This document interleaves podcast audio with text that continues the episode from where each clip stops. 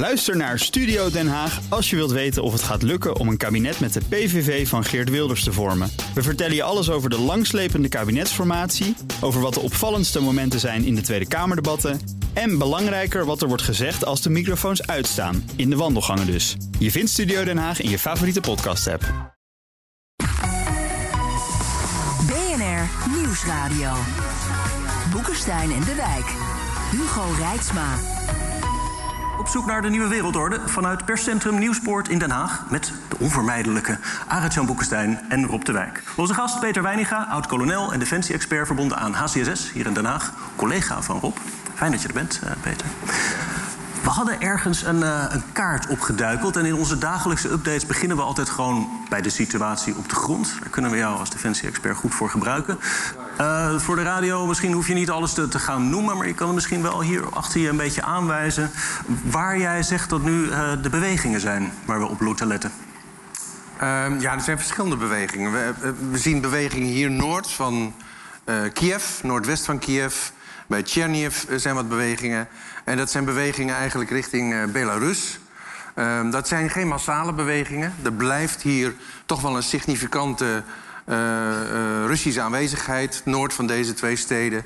Um, dat kan verschillende redenen hebben. Kan zijn van, we houden dan Oekraïnse strijdkrachten daar ook gebonden, zoals dat heet. Zodat ze niet bijvoorbeeld naar de Donetsk kunnen gaan in het oosten... Of de Donbass, om daar hun maten te helpen. Um, maar de bewegingen die hier weggaan, die worden waarschijnlijk geregroept, zoals dat gehergroepeerd, bewapend weer, van munitie voorzien, et cetera. En de kans is groot dat ze daarna inderdaad richting Donbass vertrekken om daar te worden ingezet. Um, vandaag speelde heel erg natuurlijk uh, Mariupol in het zuidoosten aan de zee van Azov. Waar uh, uh, toch wel sprake was van een significante gevechtspauze, zeg maar, om mensen uit de stad te laten kunnen vertrekken. er is gesuggereerd vanuit Kiev, waar de president zit, Zelensky, dat ook soldaten daar zouden kunnen vertrekken, maar dat hebben ze in feite afgewezen. Uh, dat is eigenlijk ook wel begrijpelijk, want wat hier voornamelijk zit is het Azov-bataljon. Dat zijn ultranationalistische uh, uh, milities. vaak zich tooiend met nazi-symbolen. ook wel een beetje dat gedachtegoed. maar als die hier weg zouden gaan, dan vallen ze in handen van de Russen. En dat betekent eigenlijk maar één ding. Dus die vechten zich waarschijnlijk liever dood. Ehm, Iets anders kan ik er niet van maken. Die geven zich niet over. Dus dat betekent dat Mariupol ook voorlopig nog een groot Russisch probleem zal zijn. En dat er dus voorlopig nog uh, mensen in de knel blijven zitten daar. Dat is toch wel een uh, heel uh, triest uh, geval. Ik denk overigens dat het niet lang meer zal duren. Want ze worden niet bevoorraad, ze krijgen geen munitie, geen water, niks. Die, mensen dat, hè, die burgers daar natuurlijk ook niet. Maar dat betekent eigenlijk dat op een gegeven moment houdt het gewoon op. Um, en ik verwacht eerder dat dat een kwestie van dagen is dan een kwestie van weken. Als Mariupol valt, dan zijn de Russen in staat. Daar zullen ze een clubje mensen achterlaten om de boel bezet te houden. Maar ook van daaruit weer troepen vrij te maken en naar het noorden te laten trekken om naar die Donbass te gaan. En sinds vorige week vrijdag hebben ze heel duidelijk aangegeven dat dat eigenlijk het belangrijkste doel van de operatie was. Even vergeten dat ze Kiev wilden innemen en Odessa ook. Uh, maar goed, dat is mislukt, weten we nu. Uh, dus dit wordt het belangrijkste doel. Dat betekent dat daar ook de meeste troepenbewegingen van Russische kant heen uh, zullen uh, zijn te zien. En Peter, dat betekent ja? dus ook dat. Dit is de. Oh, oh help. Oh, ja, pas op. wordt ja. bijna mijn ja. eigen Oekraïne. Het is hier een ingewikkelde situatie dit hierachter. Is, dit is de contested area. Hè? Dat betekent dat zitten de beste troepen van de, de Oekraïne. Je moet het wel even zeggen wat het is. Dat is dus de Donbass. Hè? Dat is groter hoor. De, de Donbass is eigenlijk. Er zijn Tot twee oblasten: Lugansk en Donetsk. En dat is eigenlijk dit hele stuk, tot ja. en met Mariupol. Maar wat ik je wil vragen is dit. Er zitten de beste Oekraïnse soldaten. Het probleem is, daar komen dus meer Russen naartoe in de toekomst.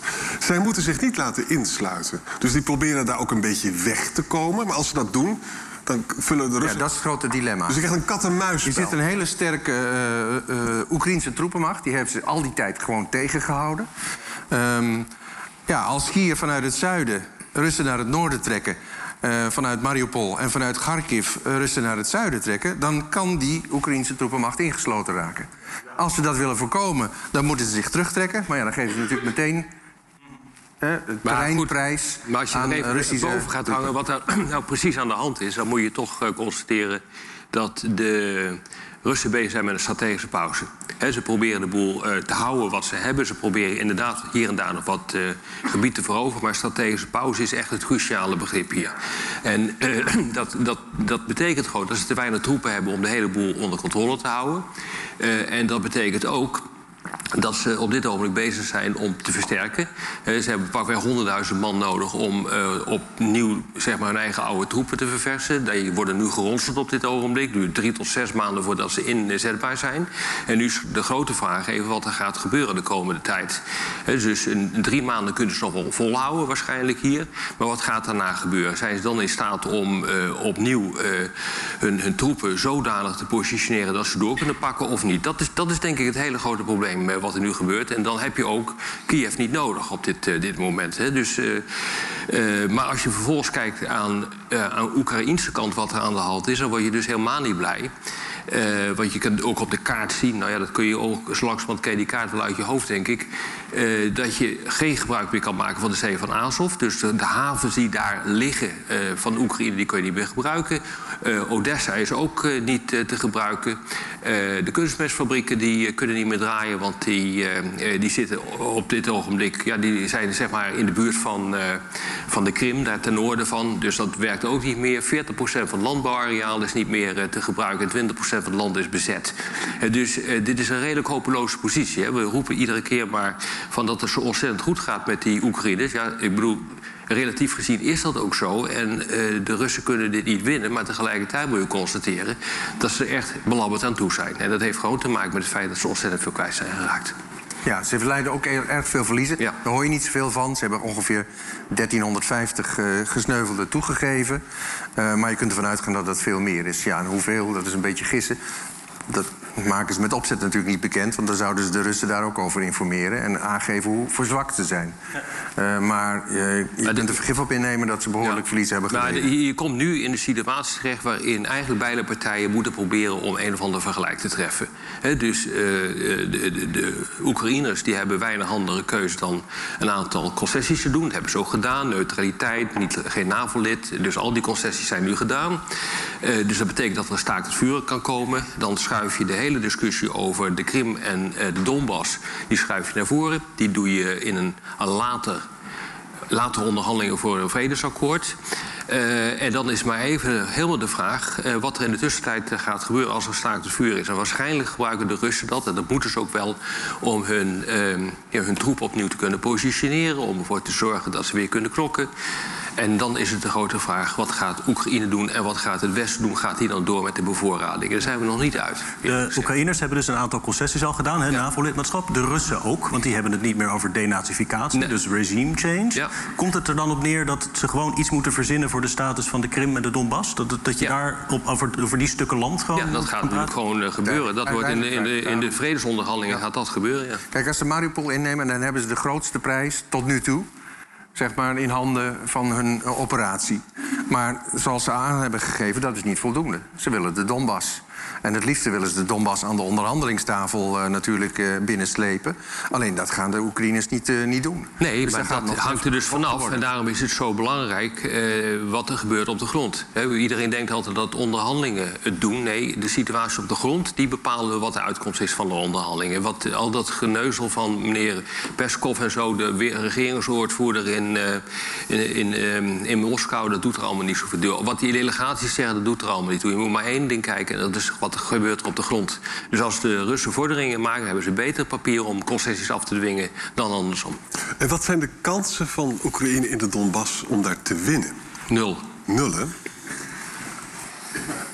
hij is militair, dus... Uh... En ik denk dat ze niet winnen. En het, het hele grote verschil. Ja, maar goed. Het, het, hele grote verschil tussen de Oekraïne en, en de Russen is dat de Russen eigenlijk een bijna onuitputtelijk arsenaal hebben aan mensen en ook aan middelen. Ze hebben inmiddels 130.000 extra mensen gemobiliseerd. Die moeten nog wel getraind worden. Uh, dat zal een, geen uitgebreide training worden. Maar als je 130.000 mensen overeind kunt lopen... en die kun je bijvoorbeeld richting de Donbass sturen... ja, dan ga je daar zeker iets... dan gaat dat de doorslag geven. Ja, toch Ook al zijn ze maar half getraind. Toch is het vreemd dat Oekraïne dat niet zou kunnen. Er wonen toch 45 miljoen mensen. Dat klopt Dus ook. je moet op een of andere manier moet je toch nog wel eh, 130.000 mensen zien te, te Ja, kunnen in, ronselen. in feite moet het, maar op een gegeven moment houdt het natuurlijk wel op. Ehm, ehm, op een gegeven moment, er worden geen extra troepen, er komen geen vrijwilligers meer uit het buitenland. Ja, een enkeling nog misschien.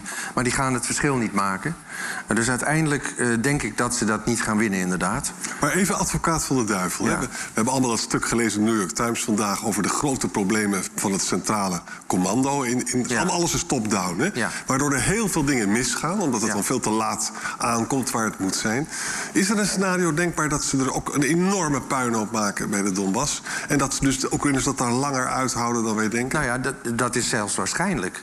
Ehm, kijk, het Russische leger is heel centralistisch. Dat eh, wordt wel terugverwezen naar de Sovjet-tijd, waarin dat zo was, maar het is eigenlijk nog veel ouder. In de tsaristische tijd was het ook al zo.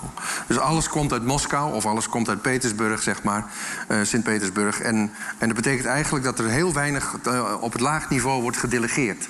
Ja. Ehm, in tegenstelling tot westerse strijdkrachten, waar dat wel gebeurt. Een luitenant kan heel belangrijk zijn en sergeant-major ook.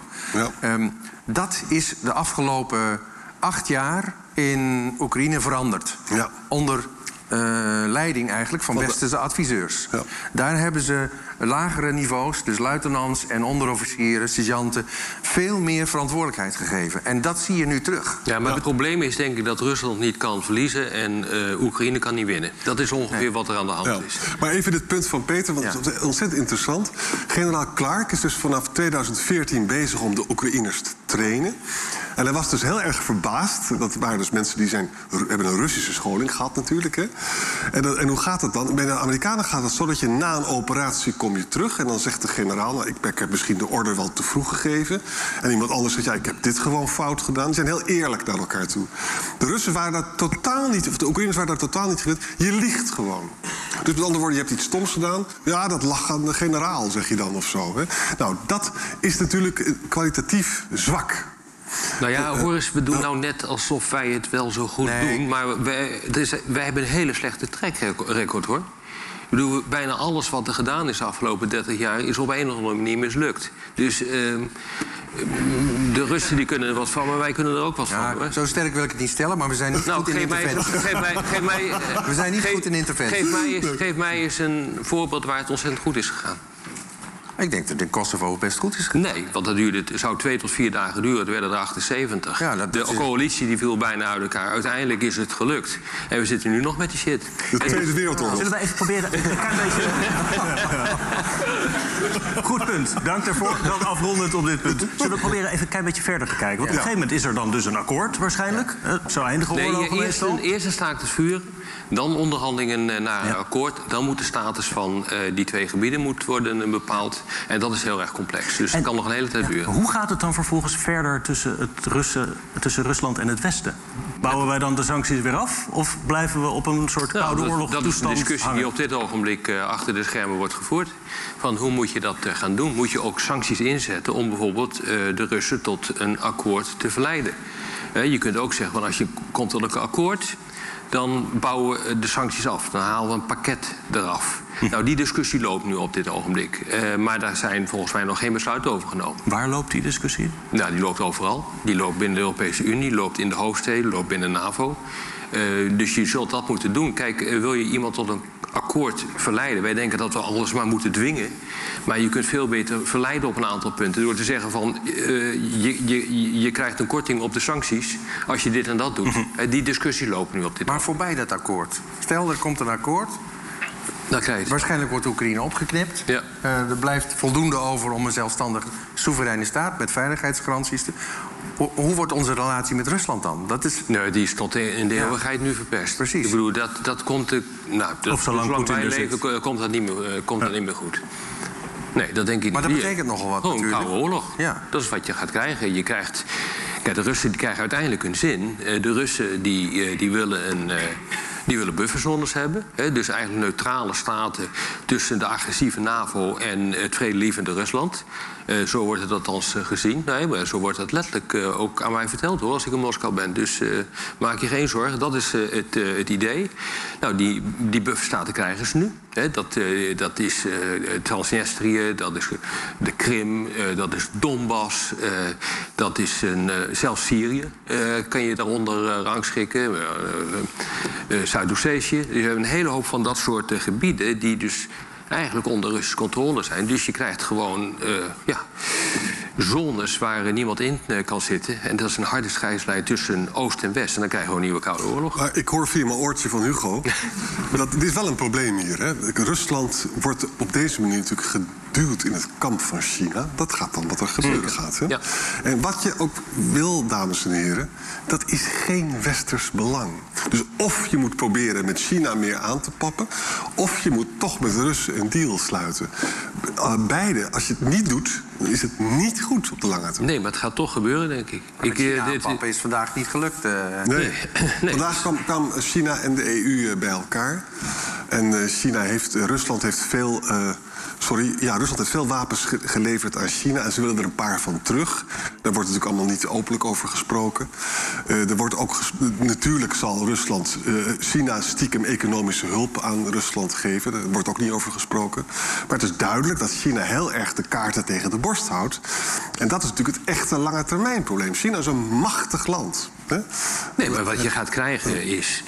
Eh, je gaat een democratisch blok krijgen tegenover een autocratisch blok. Ja. Eh, dit is eigenlijk wat Biden voortdurend ro- roept: van dit is een strijd tussen democratie en autocratie. Ja. Eh, dat zorgt er nu voor dat we dat dus inderdaad krijgen. en dat je, ja, ja, Rusland heeft daar weinig andere mogelijkheden meer dan, Maar dan meer naar China aan te schurken. Terug in de jaren 60, waar de Russen en de Chinezen natuurlijk ook Ja. min of meer gezamenlijk opfietsten. En niet alleen maar. Hè, Nou, toen begon het. Ja. De situatie voor hebben 1973. Nou, realiseer je Ja. dat ze nog Ja. oorlog hebben gevoerd hè, samen in de jaren 60. ook wel, maar dat waren grensconflictjes. Ja.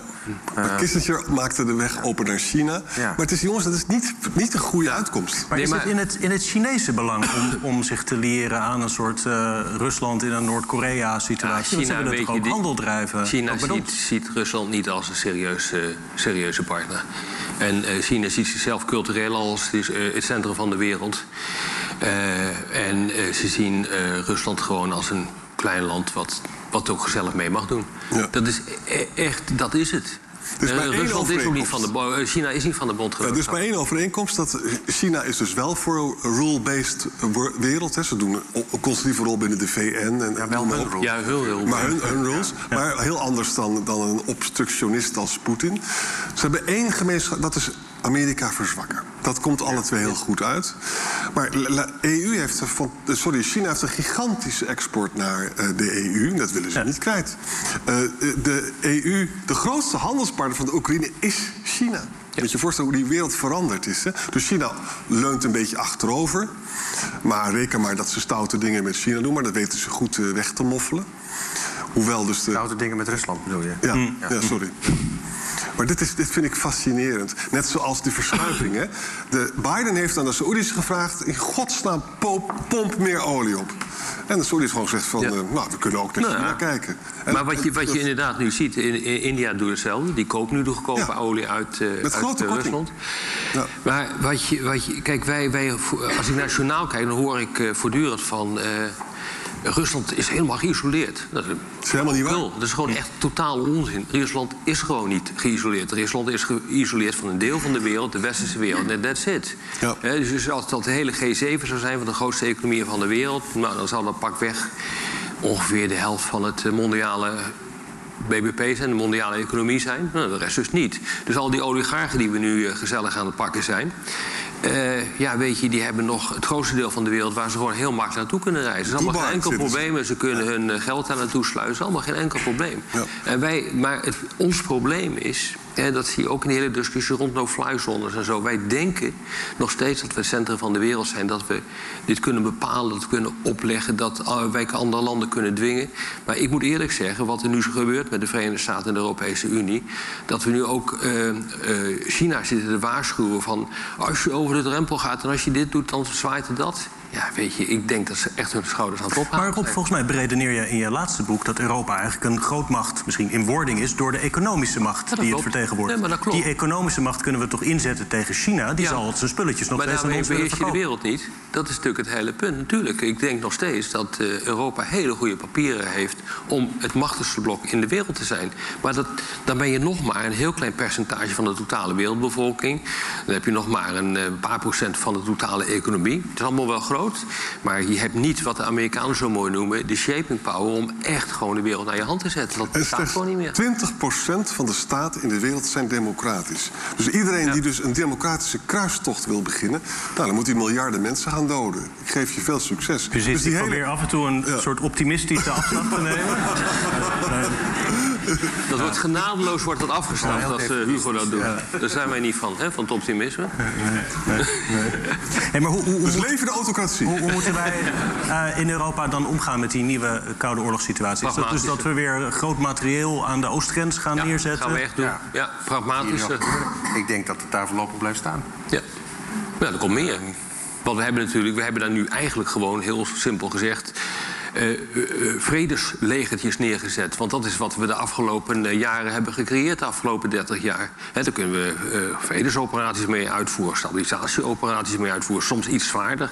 Maar dat is grosso modo wat het Daar is. zijn we niet goed in, inderdaad. En daar zijn we niet goed in, maar dat is ook het enige wat we hebben. Dus we zijn helemaal niet goed in het gevecht tegen, tegen Russen, ook al stelt er nu niks voor omdat we gewoon de verkeerde krijgsmacht daar hebben. We hebben dat gewoon niet meer. Dat moet allemaal in geïnvesteerd worden. En voordat we dat kunnen, we zijn kunnen het we vooral niet volhouden. Dat is het grote probleem. Nou ja, we hebben, eh, de, de tanks zijn er niet meer, zware, zware wapens zijn er niet meer, er is geen artillerie meer, we hebben gewoon niks meer. Want dat konden we namelijk allemaal niet naar, eh, nou wat zal het zijn, Libië of Afghanistan brengen. Dat kon helemaal niet. Dus dat is allemaal successieflijk is dat allemaal afgeschaft. En dat is precies het materieel wat je nu nodig hebt, is allemaal afgeschaft. Dus dan krijg je nu een probleem. Het enige waar, waar je wat mee kunt zijn jachtvliegtuigen, 35. Ja, nou, ik denk dat we wel meer niet- kunnen dan dat. Maar we Nou, kunnen het op te volhouden. doen. Dat is het grootste probleem. Maar en wat- de vraag of je tanks nodig hebt... Ik vind tanks nou niet echt het succesverhaal van deze oorlog. dus, eh, dus daar kun je dan ook nog eh, van mening over verschillen. Maar ehm, nee, we kunnen het vooral niet volhouden. Dat is ons grootste Nee, probleem. we hebben gewoon te weinig lange aantallen, te hebben we weinig mensen. Ehm, ja, en de logistiek is eh, gewoon niet daarop eh, afgemeten om dat lang vol te houden. Dat is het grote En het zijn vooral de Amerikanen weer... die de soldaten leveren in die Oost-Europese gordel. Mhm. hè? Ehm, ja, inderdaad. En eerlijk gezegd vind ik dat wel een schande vanuit Europees Ja, perspectief. is het eigenlijk ook. We zitten nog steeds stiekem onder die NAVO-paraplu en de Amerikaanse paraplu te leunen. Terwijl we over drie jaar hebben het gelazer met een, een Trump-achtige figuur weer. Ik vind het niet best Europeaan. Dat geldt voor jullie dus ook, hè? Ja. Tja. Heb je nog meer? En toen? Zullen we misschien even afronden voor de radio? Ehm, want dat moet op een gegeven moment. In de podcast gaan we langer door. eh, en al helemaal in de stream en met de zaal. Ik moet even zeggen, dan luistert u op de radio... dan verwijs ik naar boekenstein en de Wijk.nl of uw favoriete podcast-app. En volgens mij kan je ook terugkijken op haagscollege.nl. Dat weet ik eigenlijk niet helemaal zeker. Dat zal toch wel. Nou, anders dan kopen we dat wel vandaan. Nee. waar ik dan eventjes... We zijn nu de hele wereld over geweest eh, richting India en China. Eventjes terug naar, eh, naar ons eigen land. Waar natuurlijk een felle discussie eh, wordt gevoerd over wat wij doen, wat we moeten doen. En Rob, jij, hebt daar, jij maakt je daar zeer populair in die discussie op Twitter en op televisie. Ehm, we hebben een paar stellingen volgens mij die daar ook over gaan. We kunnen misschien meteen even meekijken, want er was iets ehm, wat daarover ging. En dan kunnen we kijken of jij boos moet worden op de zaal. Nee. Het, is- het is wel heel bijzonder van jullie. Jullie hebben echt geluisterd. is wel een Noord-Koreaanse uitslag. echt geluisterd. Waar, waar zit die 5% Die gaan we even apart zetten. Ik spring gewoon over de tafel heen. We hebben hier eh, javelins en stingers achter. Ja, maar het is heel, heel, heel apart, want eh, ik zat eh, vlak voor eh, dat ik hier naartoe kwam... zat ik in een videoconferentie met een, eh, met een aantal eh, Amerikaanse generaals. O- onder andere Ben Hodges, die afgelopen eh, week in... eh, eh, wanneer was dat? Vrij, zondag was hij in Buitenhof. En die zat hartstochtelijk te pleiten voor een eh, no-fly zone. En al die Amerikanen die waren allemaal voor een no-fly zone. Dat is echt heel opmerkelijk. De Europeanen die erbij zaten, die waren allemaal tegen. Ja, het is ieder geval makkelijk praten als je die direct een atoombom op je, op je kop krijgt uh, vanuit Amerika. maar er sprak ook een totaal andere manier van denken uit. En dat is namelijk van we kunnen dit. Can do. Can, ja, dat is precies wat het is. Nou, het is meer een soort hoogmoed, vind ik, wat het, wat het is. Dus we, we kunnen dit.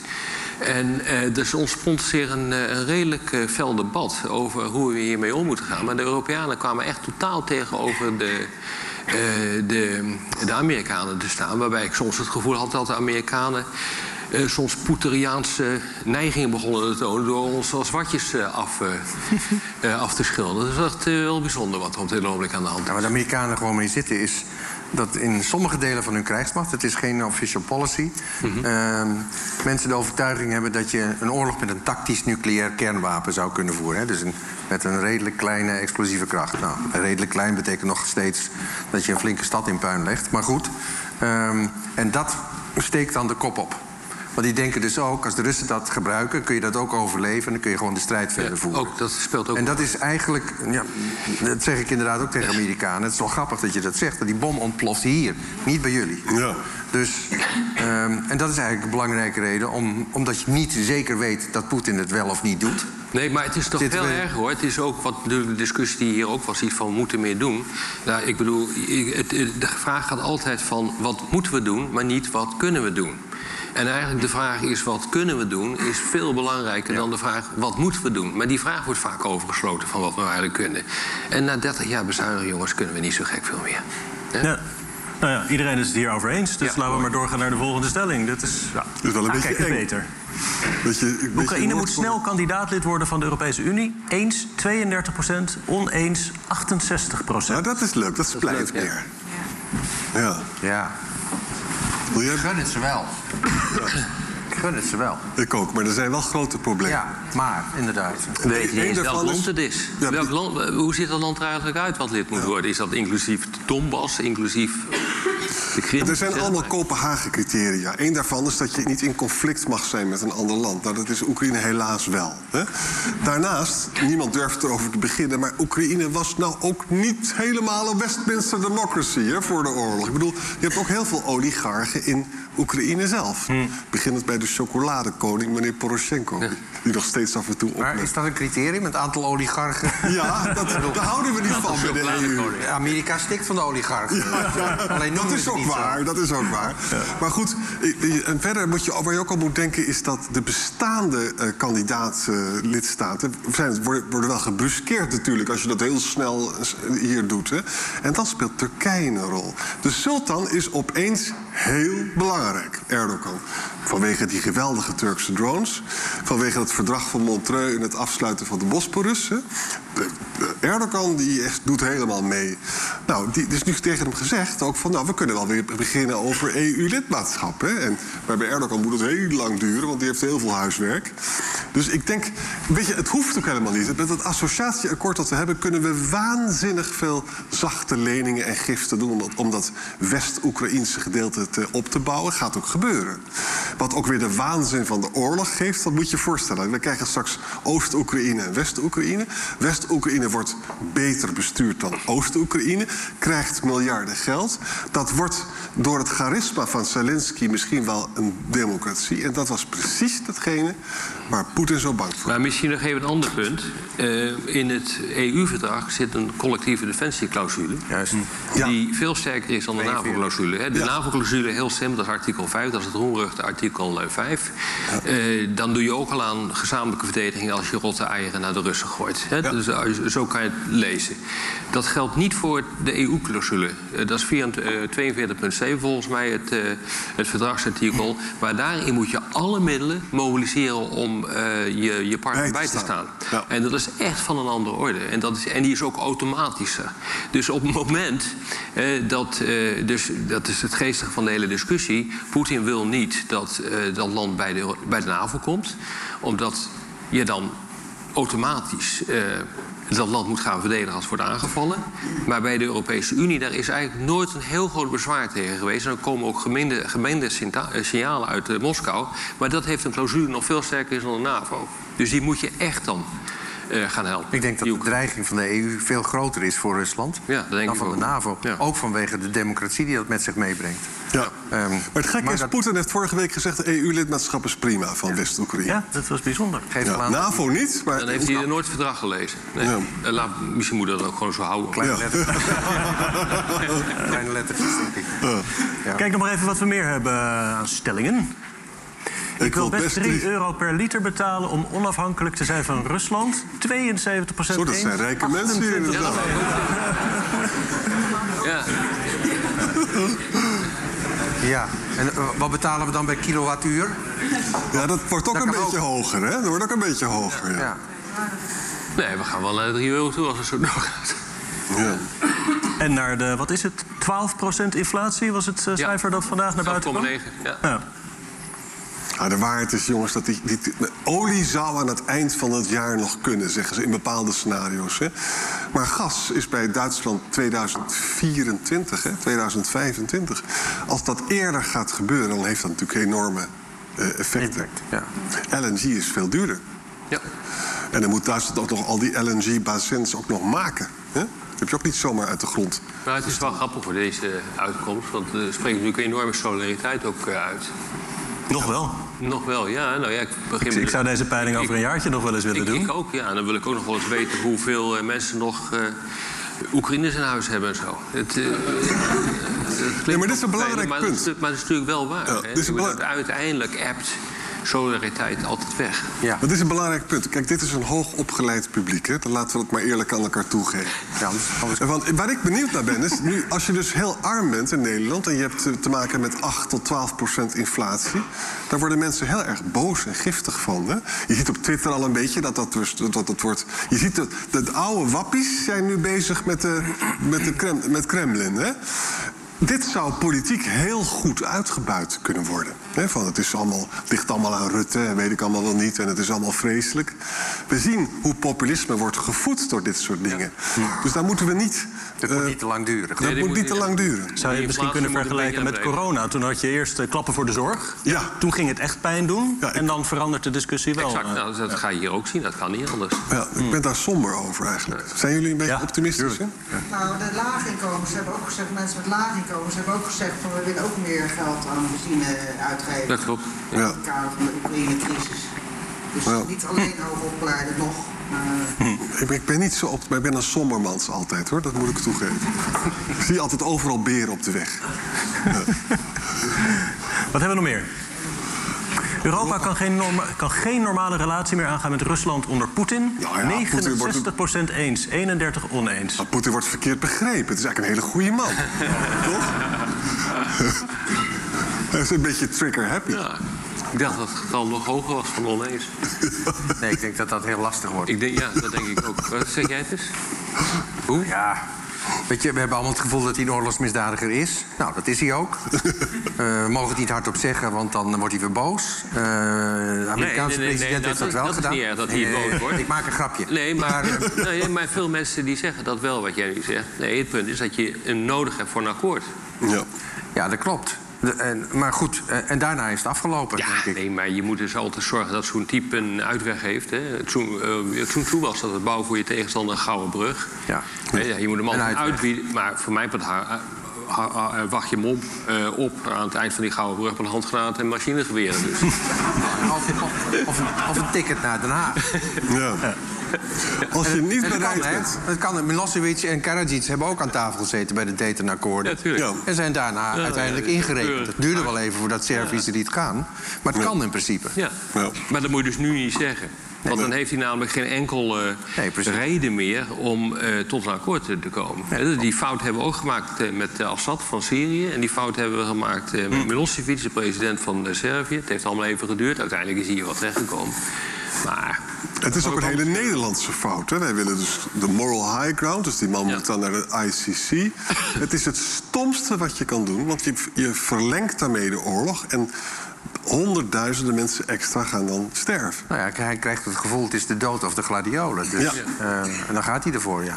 En ik acht Poetin wel zo slim dat als hij straks weg moet... dat hij wel een plekje vindt. Een dacia ergens. Huh? hey, ik, eh, ik wil graag... eh, Dat wou ik precies doen. Nu wordt het Daar politiek. vragen uit de zaal. Maar eh, eerst eventjes, eh, we hebben ook allemaal vragen die zijn ingestuurd. Dat gaan we allemaal behandelen. We hebben ook vragen die zijn ingestuurd, die ge- geprojecteerd worden. Komen ook nog van de, van de livestream. We kunnen eventjes kijken wat we daarmee kunnen... en wat voor interessante punten Oh, hier nog worden aangesneden. Kan dat wat rustiger zijn? Hoe kan het dat de Russische krijgsmacht zo slecht functioneert... vraagt Nick van der Wal... terwijl Poetin het laatste decennium zoveel heeft geïnvesteerd in defensie. Oh ja. Je moet Dat lijkt me voor jou, eh, Ja. Nou ja, er is heel veel geïnvesteerd. De vraag is of het allemaal bij Defensie is terechtgekomen. Ja. Ja, dat is Ook heel veel bij jachten. Die hebben die oligarchen van jou weer, onder andere. Ja. Nou, het is eh, na het check in eh, 2008 in Georgië... waar ze ook al gewoon onder de maat presteerden... ehm, is er een minister van Defensie aangesteld. Ik ben even zijn naam kwijt. Eh, maar die is begonnen met, met hervormingen. En echt eh, diepgaand. Heeft corruptie proberen aan te pakken. Heeft eh, eh, wapenfabrikanten de wacht aangezegd, et cetera, et cetera. En dat ging eigenlijk goed. Eh, dat heeft tot 2012 eh, geduurd. Toen had hij zoveel vijanden gemaakt dat Poetin hem aan de kant heeft geschoven. En daar Shoigu heeft neergezet, de huidige minister van Defensie. En dat is gewoon een ja-knikker. Die doet niks aan die corruptie. Steekt zijn eigen zakken ook vol met geld. Dus ik denk dat een heleboel van, van eh, daaruit te verklaren is. Plus het feit natuurlijk dat Poetin zich steeds meer met ja-knikkers heeft omringd. Dus gaat het goed met Defensie? Ja, meneer de president, gaat goed met Defensie. Hebben we voldoende tanks in huis? Ja, meneer de president, we hebben goed... Nou, vul maar in. Dus wa- wat hier is gebeurd eigenlijk, ja, dat verklaart zich ja, nou, vanaf 2012 door gewoon wanbeleid. Ja. Nu we toch bij Poetin zijn, moeten we even die vraag van eh, Tiet meenemen. Als je Poetins beste vriend was, welk advies zou je hem dan geven? Opstappen. Ah, goede vrienden zeggen dat niet. Jawel. Jawel. Goede vrienden doen dit juist. Ik zou zeggen, opstappen. Ja. Eh, red, En dan? red je land, red je leger. Eh, zorg ervoor dat je land kan terugkeren in eh, de internationale gemeenschap. Doe iets goeds voor je land. Hou de eer aan jezelf. Maar hij heeft geen eer, dus ja. Kijken jullie ook maar eventjes mee op het scherm, joh, wat, ehm, wat te behandelen. Zo, Dat hebben we eigenlijk al gedaan. Dit is natuurlijk een aardige van. Ja. Dit is eentje voor jou. Hoe kan je zwaar materieel nou eigenlijk onder de radar erin brengen? Ik vraag me dat dus werkelijk ook af. Eh, de, de, de- hè, er wordt een discussie gevoerd over S-300 eh, eh, luchtdoelraketten. Nou, zijn als je hele grote dingen. Ziet, dan, dan volgens mij kan die niet in deze ruimte. Nee, dat Een zijn, enorme truck. het zijn opleggers van 40 ton. Dus Ja. ik bedoel, dat zijn geen kleine jongens. Maar hoe doe je dat nou onge- ongemerkt? Ja. Dat kan niet over een geitenpaadje. Nee, dat moet, de- Afgezien en je van moet het s'nachts dat doen. die- En we moeten er vooral niet te veel over praten. Nee, dat, ik. nee, dat begrijp ik. Dat maar het geldt sowieso denk voor kan? wapenleveranties. Denk jij nou dat dat kan? Ja, ik moet acht het niet onmogelijk. Ik acht het niet onmogelijk. Maar Zelfs naar de Donbass? nee, daar niet naartoe. Nee, Dan zet je ze bij Kiev neer. En ehm, eh, Kan je vanaf Kiev nuttige dingen doen voor de Donbass? Met zo'n S-400, S-300? nou, je kunt in ieder geval Kiev eh, weer eh, beschermen. Dat is het, eh, denk ik. Ik denk niet dat je ze dicht bij de Donbass krijgt. Dat, valt, dat loopt te veel in de Maar smiezen. op elke redelijke weg daar staat toch gewoon een, een Rus. Eh, vermomd als eh Oekraïner. En die zegt: Gut, daar komt een, een S-300 aan. Die kans is er. Dan laat ik het even, bellen. doorgeven. Ja. Nee, die kans, die, die kans is heel groot. Maar eh, voorlopig moet je dan wel eens vaststellen waar die vandaan komt. En, ehm, en dat weet hij niet. Dat kan hij niet aan de, aan de nummerplaten zien, bij wijze van spreken. Dus ehm, Je hebt toch overal over het hele gebied langs die grenzen... eh, eh, dat observeer je toch met radarvliegtuigen en zo. nou, die hebben de Russen daar niet vliegen. Ze hebben wel satellieten, dus daar kunnen ze misschien wel iets mee vaststellen. Maar als er bevolking is, heb je drones nog. Maar weet je, met dit soort dingen is het moet voldoende onkenbaar zijn. Dat, Ja. Die truc kent eh, Poetin ook Ja, heel goed. tuurlijk, Heeft hij in de Krim toegepast. Ja. En als het voldoende onkenbaar is, ja, dan hij leidt het dan undeniability. Hij leidt het dan maar eens. Maar het is, het is riskant. Dat zeg ik erbij inderdaad. Dat is het wel. Ja. Eh, wat weerhoudt, vraagt een anonymous Poetin ervan om na een vredesakkoord opnieuw Oekraïne of een ander EU-land binnen te vallen? het vredesakkoord of zaak het vuren. Dat is natuurlijk het hele punt. Waar staat hij? Eh, Maar het maakt niet uit. Zeg maar na een De akkoord tweede. in algemene zin. Ja. Eh, eh, nee, nou, kijk, er is één groot verschil tussen Oekraïne en de rest. Wat hij nog zou kunnen doen, en dat is dat dat NAVO-leden zijn. Ja. En dat is echt een rode lijn, want dan gaat dat fameuze artikel 5 in werking. Ja. Het is dus niet zo, eh, dat hoor ik ook continu van... doe nu dit en het volgende pakt hij. Ja, nee, sorry hoor, dat, dat kan helemaal niet. Want dan loopt hij namelijk echt tegen de NAVO aan. En het is ook wel verstandig dat de NAVO ook nog wat spullen achter de hand houdt... en niet alles kuit naar de Oekraïne, zodat er eh, ook nog een, een weerwoord is als eh, Rusland agressie pleegt tegen, eh, tegen de NAVO, bijvoorbeeld tegen de Baltische Staten. Dus die discussie ga je dan krijgen. Het is echt een totaal andere situatie. En je er wordt moet- veel te gemakkelijk gedacht van, oh, dan pak je de volgende zijn dan de Baltische Staten. Dat is niet zo. En je moet in West-Oekraïne ook wel wat wapenmateriaal neerzetten dan. Hè? Dat kan niet gedemilitariseerd worden. Dat wordt het ook niet. Dat, dat hebben ze in feite ook al laten Ja. varen. Ze praten er niet meer over, maar in feite hebben ze dat laten varen. Ja, dan krijg je een soort Japanse krijgsmacht. Maar die valt met Ja. niets in. Die is niet te onderscheiden van een Gewoon. normale De krijgsmacht. Oekraïners zeggen, wij zijn bezig de Rusland te demilitariseren. En eigenlijk klopt dat ook wel een beetje, zoals het nu gaat. Ik zie een vraag van Nick Versteeg. Waarom lijkt deze oorlog zo ontzettend ouderwets? Ja. Waar blijven de automatische wapens en geavanceerde luchtmachttechnologie? Ja, Jij bent van de luchtmacht. Oh, Dus ja, zeg maar. Ja, autonome wapens die, die worden wel gebruikt. Hè. Eh, eh, denk aan Iskander-raketten, denk aan dat hypersonische ding. Dat was trouwens een vanuit de lucht gelanceerde Iskander-raket. En normaal wordt die vanaf de grond. Maar eh, als je het vanuit de lucht doet en je hangt hem onder een vliegtuig... wat Mach 2,5 vliegt, dan kun je die snelheid al optellen... bij de snelheid van de raket. En dan is hij ineens hypersonisch. Dus, nou, een hele eenvoudige truc, maar het werkt wel. Ehm, dus die worden wel gebruikt, alleen mondjesmaat. Want die zijn ontstellend duur en die hebben ze dus niet zoveel. Eh, luchtmacht. eh, de laatste weken vliegt de eh, Russische luchtmacht ongeveer 300 eh, sorties, zeg maar, vluchten per dag. Dat is heel veel, eigenlijk. Veel meer dan de weken daarvoor. Maar waar ze dat met name doen, is in, de oost, in het oosten en het zuidoosten... en het noordoosten ook. Daar waar ze redelijk dicht bij de Russische grens kunnen blijven. Want achter die Russische grens staan hun S-400-systemen. Dat zijn luchtverdedigingssystemen die hun zeg maar, radarbeeld Oekraïne ingooien... waardoor die Russen eigenlijk onder de paraplu van hun eigen luchtverdedigingssystemen kunnen vliegen. Je zult ze niet zo gauw bij Kiev zetten, alhoewel er daar ook wel eh, worden gezien... omdat eh, in Belarus ook een paar van die systemen staan, maar niet zoveel. Eh, maar in het westen, Lviv, zul je dus daar zeker niet zien... want daar komen die systemen niet en dan blijft de Russische luchtmacht dus ook weg. Wat ze daar naartoe afschieten, ja, is alles wat automatisch gaat. Maar de vraag is natuurlijk leuk. Hè, van, eh, iedereen denkt van, oh, dat wordt een cyberoorlog, die komende oorlog tussen dit soort landen. Hè, Dat, heel veel mensen die denken dat. Maar dat is gewoon niet zo. Nou, eh, dat is wel zo. Ja, maar dat Alleen ook. Maar, het, maar- het gebeurt naast elkaar. ja, natuurlijk. En wat eigenlijk bij een cyberoorlog zou moeten gebeuren... is dat ergens bij elkaar komt. Bijvoorbeeld bij commandoposten, die worden uitgeschakeld. Computersystemen, verbindingssystemen en wat dan ook. En als je nu ziet... eh, en dat heeft heel veel te maken met de verdediging... die eh, Oekraïne zelf al overeind had gelopen... aan, met, met een legertje van hackers... maar ook vanuit het buitenland allerlei steun krijgen... is dat dat gewoon voorkomen wordt. Eh, Zelensky kan al zijn eh, eh, zeg maar civiele en militaire autoriteiten aansturen. Hij spreekt de hele wereld toe.